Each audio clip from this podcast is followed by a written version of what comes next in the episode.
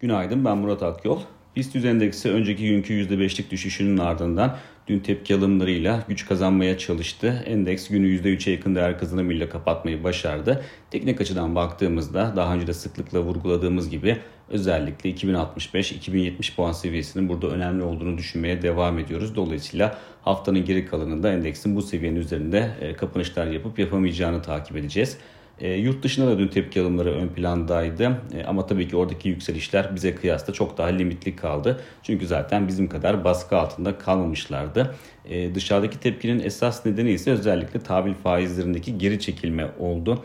Tabii faizler hala aslında Amerika'da e, son 2 yılın zirvesine yakın seyrediyor. Mesela 2 yıllık vadeye baktığımızda e, %1.08'in üzerine yükselmişti faizler ki Şubat 2020'den bu yana en yüksek seviyeler.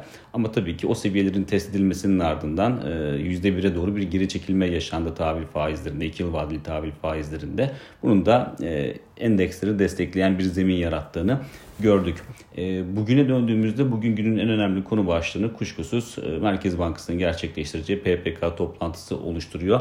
Saat 14'te sonuçlanacak toplantı e, piyasa beklentisi Merkez Bankası'nın faiz oranlarında herhangi bir değişiklik yapmayacağı yönünde. Zaten son toplantıya baktığımızda da o toplantının ardından yapılan açıklamada Merkez Bankası e, ilk çeyrek sonuna kadar faizlerde değişiklik olmayabileceğine yönelik sinyaller vermişti. Ama şu var ki dolar TL kuruna baktığımızda 18 liranın üzerine test eden bir kuru vardı. Şimdi 14 liranın altına gerilemiş durumdayız. Dolayısıyla bunun Merkez Bankası'nın söylemlerini e, nasıl etkileyeceğini yakından takip etmek gerekiyor.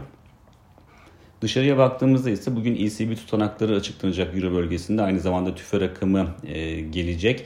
ECB tutanakları aslında tarihsel olarak e, yeni bir mesaj vermiyor. Dolayısıyla piyasa etkisi muhtemelen limitli kalacaktır. TÜFE'de ise e, revizyon niteliğinde bir rakam bugün açıklanacak tüfe rakamı. ilk veri %5 olarak açıklanmıştı. E, o veride de %5'lik veride de herhangi bir değişiklik beklenmiyor. Dolayısıyla tüfe rakamının da beklendiği gibi herhangi bir revizyona uğramaması durumunda etki derecesinin limitli kaldığını görebiliriz.